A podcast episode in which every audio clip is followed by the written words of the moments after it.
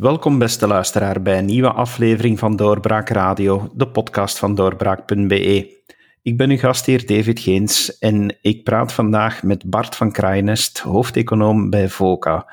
Welkom meneer van Kraaienest. Goedemiddag. Meneer van Kraaienest, het is een tijdje geleden dat we elkaar al gesproken hebben. We zijn inmiddels de zomer voorbij. We zijn uh, de grote lockdown voorbij. Ja, wat heeft dat allemaal teweeggebracht uh, voor onze economie? Hoe heeft die nu eigenlijk gereageerd na die lockdown? Ja, op die economie hebben we ondertussen gelukkig iets meer uh, zicht natuurlijk dan een aantal maanden geleden.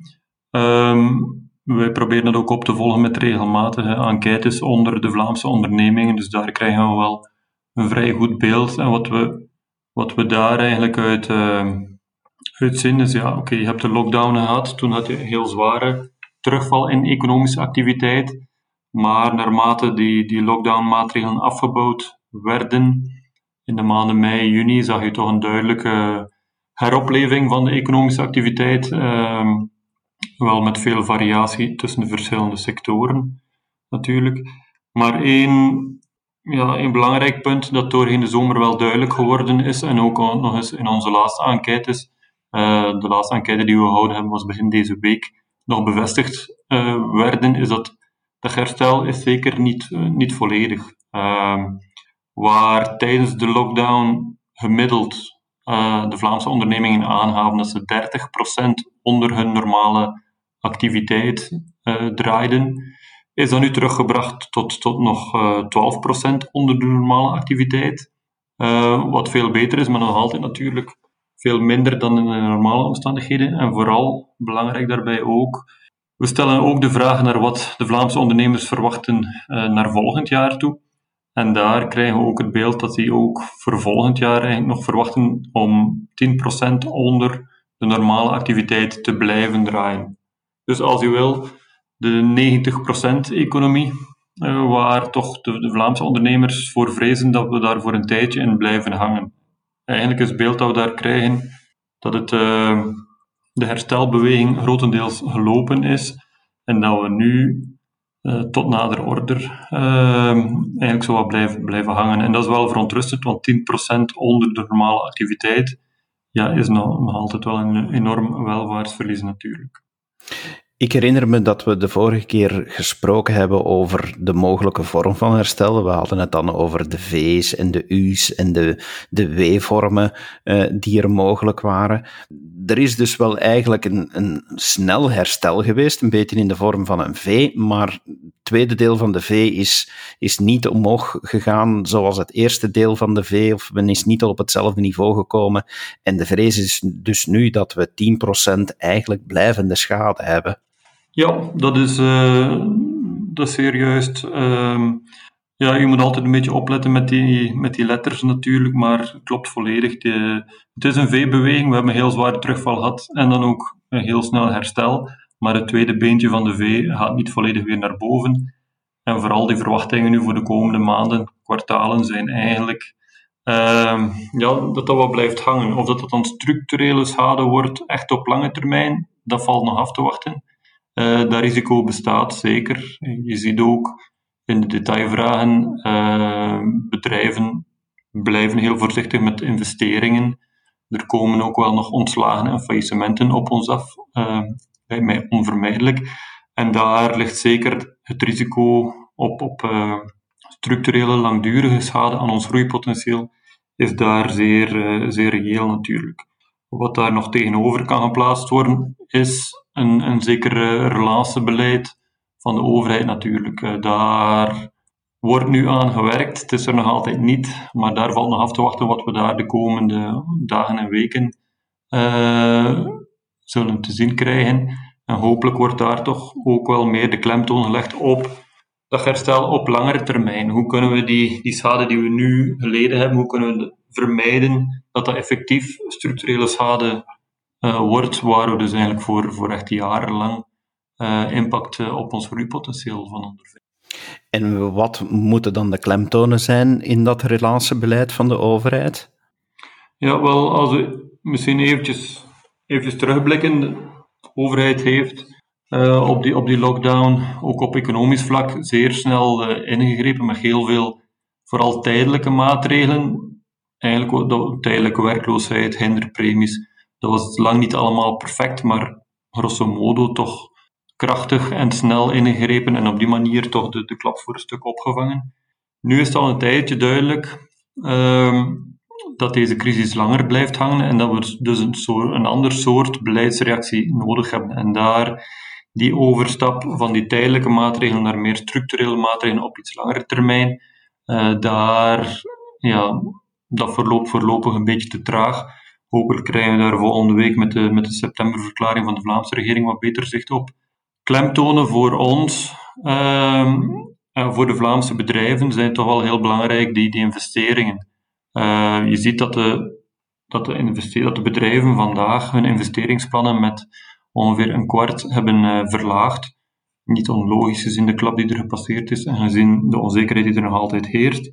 En ook volgend jaar verwachten ze daar niet heel veel beterschap. Dus daar is het wel belangrijk dat de overheid maatregelen neemt om die bedrijfsinvestering terug aan te zwengelen. Want als we nu een aantal jaar minder investeren, dat hebben we ook gezien bij de vorige grote crisissen, een aantal jaar minder investeren, ja, dat, dat gaat natuurlijk wegen op je groeipotentieel, ook in de jaren daarna. De overheid kan, uh, kan, uh, kan investeringen door de bedrijven uh, stimuleren, met een aantal fiscale maatregelen, versnelde afschrijvingen van investeringen, dat soort dingen. En ze kan ook zelf een inspanning doen. wij blijven in België nog altijd een land met bij de laagste overheidsinvesteringen onder de industrielanden, terwijl dat we bij de hoogste belastingdruk hebben. Dus dat, dat klopt niet. We investeren, onze overheden investeren eigenlijk te weinig. Dat is al langer gekend. Ze zouden ook deze crisis moeten aannemen, aangrijpen om die overheidsinvestering, daar de, noodzakelijke inhaalbeweging te maken en daar een aantal projecten uh, die al langer op de plank lagen, om die te gaan versnellen en zo uh, ja, een beetje voorsprong te nemen op, op, uh, op die overheidsinvesteringen om die relatie mee te ondersteunen. Daarnaast denk ik zal het ook belangrijk zijn om structurele maatregelen te nemen op de arbeidsmarkt, om ervoor te zorgen. En nu wordt soms gedacht van oké, we gaan jobs verliezen in deze crisis. Dat klopt. Dat is zeker het geval. Er komen daar nog wel een aantal ontslagen op ons af, onvermijdelijk. Maar daar moet toch uh, ja, de, de, de mentaliteit moet daar toch zijn. Hoe gaan we die mensen zo snel mogelijk weer aan het werk krijgen in andere, andere jobs, eventueel andere types van jobs. Uh, we mogen er niet van uitgaan dat die mensen verloren zijn voor de arbeidsmarkt, uh, voor altijd bij wijze van spreken. In dat kader past bijvoorbeeld ook de recente, recente stappen die genomen zijn uh, door de VDAB om ook tijdelijke werklozen, om ook daarvoor opleiding te voorzien, om te vermijden dat die mensen langdurig aan de kant staan en dan daarna niet meer teruggeraken op de arbeidsmarkt. Eigenlijk van de klassieke arbeidsmarktrecepten, meer flexibiliteit, meer inzetten op opleiding, dat, wordt, ja, dat was voor de crisis al belangrijk, maar is na met deze crisis alleen nog maar belangrijker geworden. Natuurlijk om op langere termijn die groei terug op, uh, op peil te krijgen, want dat is wel essentieel voor onze welvaart natuurlijk. Ik pik even in op wat u daarnet zei qua investeringen van de overheid. Zijn er dan bepaalde domeinen die uh, volgens VOCA moeten extra aandacht krijgen waar de overheid echt zou moeten in investeren om sneller uit deze crisis te komen? Ja, sowieso heb je natuurlijk de klassieker, alles rond infrastructuur, uh, transportinfrastructuur, uh, ja, komt daar heel snel op de proppen natuurlijk daar was al langer duidelijk voor deze crisis dat we daar met problemen zaten, dat we daar met gebreken zaten. Daar zijn nu een aantal grote werven die, die opgestart zijn of op punt staan om opgestart te worden. Oosterweel uh, is daar heel duidelijk natuurlijk. Um, maar daar kunnen we zeker nog wel een paar tandjes bijschakelen. En dan vooral investeringen in het kader van een aantal lange termijn uitdagingen waar we sowieso naartoe moeten. Eh, die kunnen we ook best versnellen. Uh, rond, alles rond digitalisering, daar is met deze crisis een versnelling in gekomen, noodgedwongen, maar die, die lijn moeten we eigenlijk gaan doortrekken. Uh, en ook de overheid ja, blinkt op dat vlak zeker niet uit. De overheid zou daar eigenlijk een, een, voorbeeldrol moeten kunnen vervullen. dus daar kan, kan nog wel ook wat bijgeschakeld worden. En dan ook rond de hele ja, duurzaamheid, het hele duurzaamheidsverhaal. Daar zullen onvermijdelijk de komende decennia ook uh, heel veel investeringen nodig zijn. Dus we kunnen deze crisis eigenlijk ook maar best aangrijpen om daar een aantal dingen die we op termijn toch zullen moeten doen, om die te gaan versnellen. Een van de voorbeelden daar is bijvoorbeeld rond renovatie van gebouwen. Uh, wij scoren in België heel slecht op, um, op energie-efficiëntie van onze gebouwen, zowel de, de, de woningen als de overheidsgebouwen. Daar gaan we op een bepaald moment toch moeten een inspanning doen als we onze klimaatdoelstelling willen halen. Dus die kunnen we vervroegen.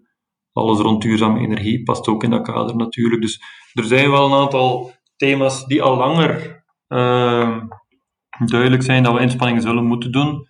Wel, dan is nu wel het moment om daar versneld uh, werk van te maken. Want als we, als we die dingen kunnen opzetten, uh, dan gaat dat ook extra economische activiteit opleveren op langere termijn. U sprak ook over de tewerkstelling en dat we nog ontslagrondes mogen verwachten, uh, die al dan niet het gevolg zullen zijn van faillissementen. Dat is heel logisch na een crisis. Maar anderzijds hoor ik dan ook het hoofd van de VDAB zeggen dat we moeten opletten dat we ook weer niet heel snel te maken hebben met een krapte, want dat die ook kan wegen op de herstelbeweging van onze economie moet dan onze overheid eh, beginnen na te denken over het afbouwen van die tijdelijke werkloosheid en veel meer in te zetten op de beweeglijkheid en de flexibiliteit dus van die mensen die nu nog voorlopig aan de kant staan? Ja, dat is inderdaad een analyse die al snel gemaakt is op de arbeidsmarkt van oké, we zitten nu met heel veel ontslagen en we gaan daar een, uh, we moeten ons vooral daarop richten. Maar we mogen inderdaad niet vergeten dat voor deze crisis uh, was een van de belangrijkste problemen, jaren en een stuk, voor onze Vlaamse ondernemingen. Als u vroeg van wat is de belangrijkste hindernis om verder te groeien, dat was gebrek aan, uh, aan personeel, moeilijk, moeilijkheden om geschikt personeel te vinden, was daar de jaren voor de crisis stevast in de top drie van de belangrijkste problemen. Um, ja, er komen nu, er zijn al een aantal ontslagen gebeurd natuurlijk. We zitten al rond de 50.000 uh, uh, netto jobverliezen in de eerste helft van het jaar. Er komen er daar nog wel bij de komende maanden. Maar dat structurele probleem van krapte, het is niet zo dat dat nu definitief van de baan is. Integendeel, we zouden er wel een keer heel snel weer kunnen terug, terug aan staan structurele krapte op de arbeidsmarkt ook gelinkt aan de vergrijzing van onze beroepsbevolking. En er komt daar de komende jaren een gigantische pensioneringsgolf op ons af. Die moeten ook allemaal vervangen worden. Um, er zijn inderdaad mensen die nu hun job gaan verliezen, maar zoals ik er straks al zei, er komen zeker ook mogelijkheden om die opnieuw in te zetten. En daar moeten we inderdaad vermijden dat we nu mensen aan de zijlijn parkeren um, zonder in te zetten op extra opleiding. Of nog erger, dat we gaan teruggrijpen naar recepten uit het verleden als brugpensioen of weet ik veel meer, waarmee dat we mensen eigenlijk uit de arbeidsmarkt gaan zetten. Als we de komende jaren ons groeipeil weer op punt willen krijgen, dan gaan we die mensen nodig hebben. En de, de jobverliezen die we nu zien, de focus moet inderdaad zijn van hoe krijgen we die mensen zo snel mogelijk weer aan het werk, eventueel in andere functies. En daar is die, die, die flexibiliteit waar u naar verwijst, maar ook volop inzetten op opleiding, uh, heel belangrijk. Het, zal, het lijkt ons heel waarschijnlijk dat we binnen uh, één of twee jaar na deze crisis, dat we opnieuw geconfronteerd gaan worden met een brede krapte op de arbeidsmarkt en meer nog de krapte die we al kenden in bepaalde profielen. Uh, ik zeg maar iets, ingenieurs, informatici, die voor de crisis heel acuut was, die, is, die loopt zelfs gewoon door.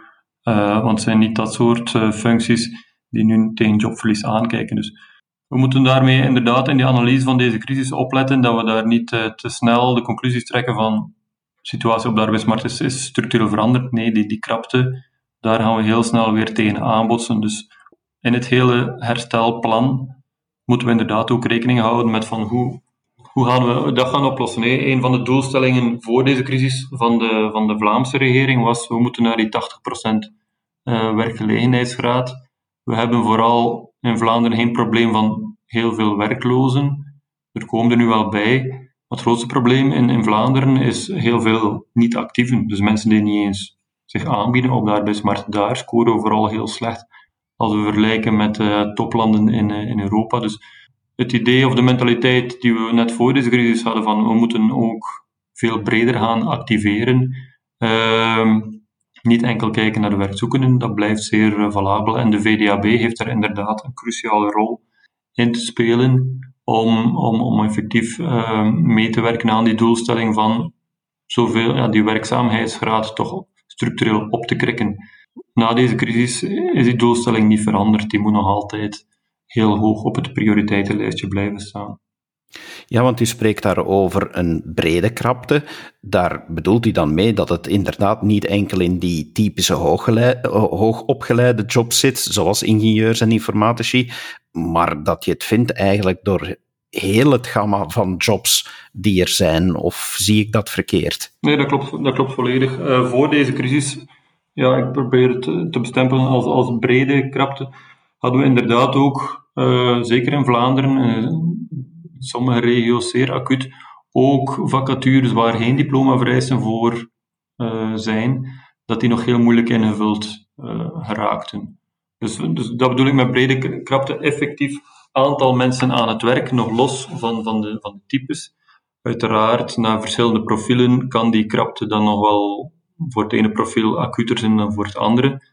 Maar voor deze crisis was het heel breed, was het gewoon op aantal mensen, zelfs zonder heel veel uh, uh, diploma of andere vereisten. Uh, dus dat zal wel een keer gewoon al op die aantallen, zou wel een keer heel erg snel kunnen, kunnen gaan terugkeren. Eh, als je gewoon de oefening maakt om een normale economische groei in Vlaanderen uh, te realiseren, wanneer er voorbij 25 jaar ongeveer uh, ja, 35.000 jobs per jaar nodig. Dat is gewoon om het normale groeitempo aan te houden. Daarbovenop komt er nog eens die pensioneringsgolf. Uh, dat is wat moeilijker exact te, te becijferen. Uh, want er komen, ja, verdwijnen mensen van de arbeidsmarkt, er komen er ook nieuwe toe van de jongeren, maar er zit wel een, een, een discrepantie op de komende jaren met de vergrijzing, met de pensioneringsgolf van de babyboomers, vertrekken er veel meer mensen aan naartoe komen. Dus in die zin uh, hebben we daar extra mensen nodig, gewoon al puur op aantal, dan kijken we nog niet eens naar types van diploma's. Uh, dus ja, die, die, die brede krapte, uh, het mag nu eventjes anders lijken, maar binnen ja, binnen vrij korte tijd zitten we daar weer terug. Dus de overheid moet er zeker nog niet aan denken om een middel zoals bijvoorbeeld de jobbonus te gaan afschaffen. Nee, dat denken wij zeker niet. Het moet inderdaad uh, onderdeel van dat relatieplan op iets langere termijn zal inderdaad ook moeten zijn van hoe krijgen we de mensen die nu zich niet aan, die zich voor de crisis ook niet en nu zeker niet, niet aanbieden op de arbeidsmarkt, hoe hoe krijgen we daar toch een aantal ervan wel op de arbeidsmarkt? Als je ziet in andere landen, ja, ook in Vlaanderen werken er eigenlijk nog altijd relatief weinig mensen, als je dat vergelijkt met pakweg Nederland of de Scandinavische landen. Um, dat is niet omdat werken hier zoveel lastiger is, dat heeft te maken met allerlei beleidskeuzes uit het verleden. Eentje daarvan is dat we inderdaad moeten zorgen dat ja, het werken of niet werken, dat daar financieel voldoende verschil tussen zit. Dat... Uh, dat werken voldoende financieel interessant is ten opzichte van niet werken. En die jobbonus is een van de maatregelen die wij op dat vlak voorstellen om, om dat verschil uh, wat groter te maken, zodanig dat werken financieel uh, een stuk interessanter wordt voor die niet-actieven, om op die manier te proberen meer mensen naar de arbeidsmarkt te krijgen. Dat moet kaderen in, in, een breder pakket natuurlijk van maatregelen, maar op de arbeidsmarkt zullen we inderdaad niet, die krapte niet uit het oog, het risico van die krapte niet uit het oog moeten verliezen en, en toch wel een set maatregelen ook voorzien om die inactieven van, uh, van voor de crisis, hoe gaan we die kunnen uh, activeren? Die jobbonus is daar wel een, een belangrijke stap in, lijkt ons. U sprak al over de 90% economie, 10% eh, die verloren is op dit moment, die jullie merken uit eh, de enquêtes eh, die VOCA dus houdt onder de ondernemers. Er ontbreken natuurlijk die investeringen bij ondernemers zelf. Maar waarom blijft men eigenlijk zo aarzelen? Vertrekt het allemaal vanuit een uh, gebrek aan consumentenvertrouwen, die nu veel minder bouwen, kopen, diensten afnemen, whatever? Ligt, ligt daar alles in het begin? Um, vertrouwen is zeker heel belangrijke, maar we moeten ons zeker in Vlaanderen ook niet, niet, niet blind staren op, op, uh, op de consument. Ik weet dat dat natuurlijk heel, zeker politiek, heel gevoelig is en heel, heel, heel dicht, uh, dicht bij iedereen ligt, maar uit enquêtes van de Nationale Bank blijkt ook dat het merendeel van de gezinnen, ja, die zijn financieel eigenlijk niet geraakt door deze crisis. Uh, de enquête van de Nationale Bank geeft aan dat 70% van de, van de Belgische gezinnen uh, geen inkomensverlies geleden heeft tijdens deze crisis. En nog eens 10% is dat inkomensverlies minder dan 10% eh, van hun inkomen geweest. Dus in die zin, het is niet zo dat de koopkracht heel zwaar uh, onder druk staat voor het merendeel van de mensen het is wel zo dat er een beperkte groep van gezinnen wel heel hard geraakt is. Um, dus die koopkracht is er, dat vertrouwen is een belangrijke. Uh, daar moet je op een bepaald moment ja, hopen dat die, dat die uitbraak onder controle krijgt en dat dan het vertrouwen wel terugkomt bij de gezinnen. Maar voor de Vlaamse economie, wat we vaak vergeten, is een mogelijk nog belangrijkere factor, onze export. Um, meer dan een derde van onze economische activiteit is gelinkt aan de buitenlandse handel. Um, en die staat vandaag natuurlijk ook onder druk. Die onzekerheid die daar hangt, rondhangt van hoe zal het in de landen rondom ons evolueren? Komen er internationaal nog nieuwe uitbraken van het virus? Wat geeft dat dan voor impact op onze uh, exportmogelijkheden? Blijft ook heel belangrijk. Daar kunnen wij onze, onze Belgische of Vlaamse regering kunnen daar niet enorm veel aan doen natuurlijk. Daar hangen we wel voor een stuk af voor wat er rondom ons gebeurt. Maar we mogen dat zeker ook niet uit het oog verliezen. We moeten zeker ook aandacht blijven besteden aan onze concurrentiepositie. Uh, van onze exportbedrijven, mogen we zeker niet vergeten. Uh, de brexit, die komt er straks ook aan. Dat ziet er ook uh, meer en meer naar uit dat het een, een, een harde brexit wordt, wat voor onze Vlaamse exportbedrijven ook wel een, een zware dobber zou kunnen uh, gaan worden. Dus we moeten blijven daar ook, vanuit het beleid moet daar ook blijven de aandacht naar gaan om dat soort klappen op te vangen, want dat komt er nog eens bovenop natuurlijk. cru gezegd, gesteld, wij gaan niet losgeraken uit die 90% economie in Vlaanderen als ons export niet, niet volledig kan herleven. Hè. Dat, dat, is daar wel een cruciale factor. Dus dat mogen we zeker niet uit het oog verliezen. En wat is dan de belangrijkste ingreep waar we moeten naar uitkijken in de septemberverklaring om dat probleem aan te pakken? In de septemberverklaring wel, de, de Vlaamse overheid kan niet zo heel veel doen natuurlijk aan, aan die export, maar ze kan wel, ze moet wel uh, blijvend uh, inzetten op uh, ja, maatregelen om, die uh, in te spelen op die, op die brexit bijvoorbeeld. Die brexit kan je een beetje zien zoals die, uh, zoals die coronacrisis. We zullen ook nood hebben aan een, een, uh, aan een crisiscel, als je wil, die heel snel kan nagaan van waar zitten de problemen, waar moeten we ingrijpen, die hopelijk nog op voorhand kan nagaan van waar zijn we klaar, waar zijn eventueel zwakke punten. Want die, die, ja, die brexit komt er op 1 januari onvermijdelijk aan. En voor heel veel Vlaamse bedrijven blijft het Verenigd Koninkrijk wel een belangrijke afzetmarkt. Uh, daarnaast, maar dat is dan meer kijken naar het federale niveau, dan moeten we natuurlijk ook opletten met, uh, ja, we hebben de jaren, de voorgaande jaren hebben inspanningen gedaan om onze concurrentiepositie van onze exportbedrijven terug te, te voor stuk te herstellen, via, via, vooral dan via loonmatiging. Ja, het komt er ook wel op aan dat we dat nu niet opnieuw mogen, mogen weggooien, laten we zeggen. Hè. Dus uh, die concurrentiepositie die in stand houden en, en hopelijk zelfs nog wat verder versterken, uh, blijft ook een belangrijk punt. Dat zal eerder op federaal niveau moeten geregeld worden. En daar blijft natuurlijk afwachten wat er daar uit de bus komt. Ja, we hebben het nu over het federale.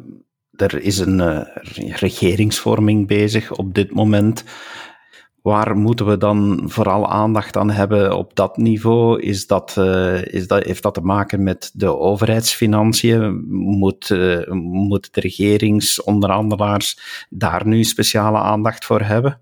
Ja, ze moeten er zeker aandacht voor hebben. In brede zin denken wij, kijken wij vooral naar de, de relatieinspanning, maar dan niet enkel relatie op, op korte termijn de komende maanden, maar effectief hoe gaan we onze economie onze Belgische economie de komende jaren structureel uh, sterker maken. En, en, veel van de punten die ik daar straks al aangehaald heb, rond hervorming van de arbeidsmarkt, rond uh, overheidsinvesteringen, rond concurrentiepositie, vrijwaren, die, die worden daar extreem belangrijk.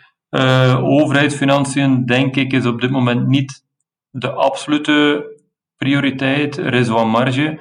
Maar anderzijds, als je ziet, of, of de indicaties die we nu krijgen, wordt er wel heel weinig aandacht aan besteed. En uh, er zijn limieten wat op wat we kunnen doen natuurlijk. Dat, is, dat het begrotingstekort dit jaar heel fors zal uh, opspringen, is, is logisch, is normaal en is ook, uh, is ook nodig. de overheid moest in deze crisis tussenkomen om, om een stuk van de klap op te vangen, heeft dat gedaan. En dat vertaalt zich dan in een, in een groter tekort. Maar het wordt wel belangrijk dat we na deze crisis uh, die overheidsfinanciën op een redelijke termijn terug op de rails krijgen. En dat wat nu aangekondigd is, uh, als ik het goed begrijp, is veel nog niet uh, concreet geregeld natuurlijk, maar de boodschap van we gaan voor een saneringsinspanning van minimaal 0,1% van het BBP per jaar doorheen legislatuur, ja, dat is, dat is veel te weinig natuurlijk. Gegeven de klap die we gekregen hebben op onze overheidsfinanciën, zullen we toch niet dit jaar, dit jaar moet je niet, niet gaan denken over sanering, maar uh, zeggen dat we de volgende vier jaar daar ook niet moeten aan denken, ja, dat, dan, dan komen we wel in een, uh, in een gevaarlijker scenario natuurlijk. Overheid moet ingrijpen in crisisperiodes met tijdelijke maatregelen, maar moet ook na die crisis dat we weer inspanningen doen om uh, haar rekeningen weer structureel op orde te krijgen. Al is het maar voor de mogelijkheid dat er na verloop van tijd wel weer een nieuwe crisis kan opduiken en dat we dan toch uh, weer wat meer marge zullen nodig hebben om te kunnen ingrijpen. Dus dat is op dat vlak, uh, ja, het is nog te vroeg om te oordelen natuurlijk, maar de eerste signalen zijn daar niet, niet super positief, laten mij zo zeggen. Meneer Van Krijnest, dank u wel om samen met Doorbraak een blik te werpen op de stand van zaken. Onze luisteraars zullen daar weer heel wat aan gehad hebben. Dank u wel. Graag gedaan. En uw beste luisteraar, dank u wel dat u hebt afgestemd op de podcast van doorbraak.be. Geniet ook van onze andere afleveringen en graag tot een volgende keer. Dag. Dit was een episode van Doorbraak Radio, de podcast van doorbraak.be. Volg onze podcast op doorbraak.be/slash radio of via Apple Podcasts, Overcast of Spotify. Bezoek ook onze website op doorbraak.be en steun ons door een vriend te worden van Doorbraak.